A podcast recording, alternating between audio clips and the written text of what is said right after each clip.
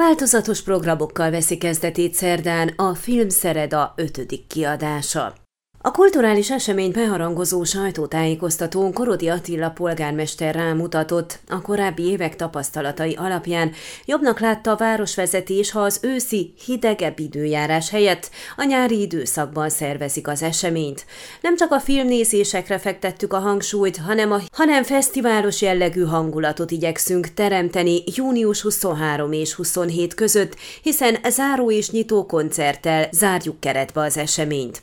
A város vezető tudatta, a soron következő önkormányzati ülésen napirendre tűzik a város kötelékébe tartozó Csíki mozi működtetésének átadását a Prokultúra Szikuli közösségek közti társulásnak, amely jelenleg a szakszervezetek művelődési házát is működteti.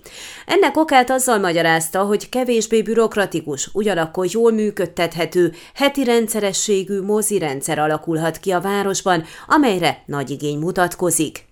Az idei fesztivál érdekessége, hogy kinövi magát, hiszen két lakónegyedben is tervezünk filmvetítéseket, a Temesvári Sugárúton, az óceánüzlettel szembeni területen, illetve a Pacsirta sétány sportpályáján, mondta Sógor Enikő alpolgármester.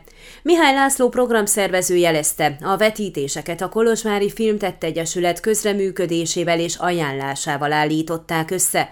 Dokumentumfilmek, művészfilmek, játékfilmek, vígjátékok és gyerekfilmek is szerepelnek.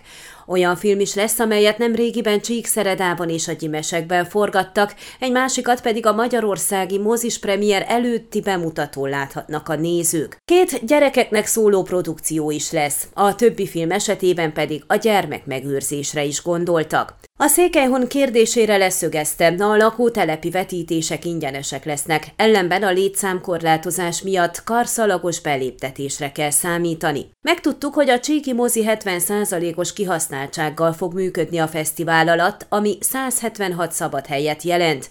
A Mikóvárban és a lakótelepeken 300 fő lehet majd jelen, ahol székeket is fognak biztosítani. A vetítésekről és kezdési időpontokról az esemény Facebook oldalán, a filmszereda.ro oldalon lehet tájékozódni, jegyeket pedig online beszerezni.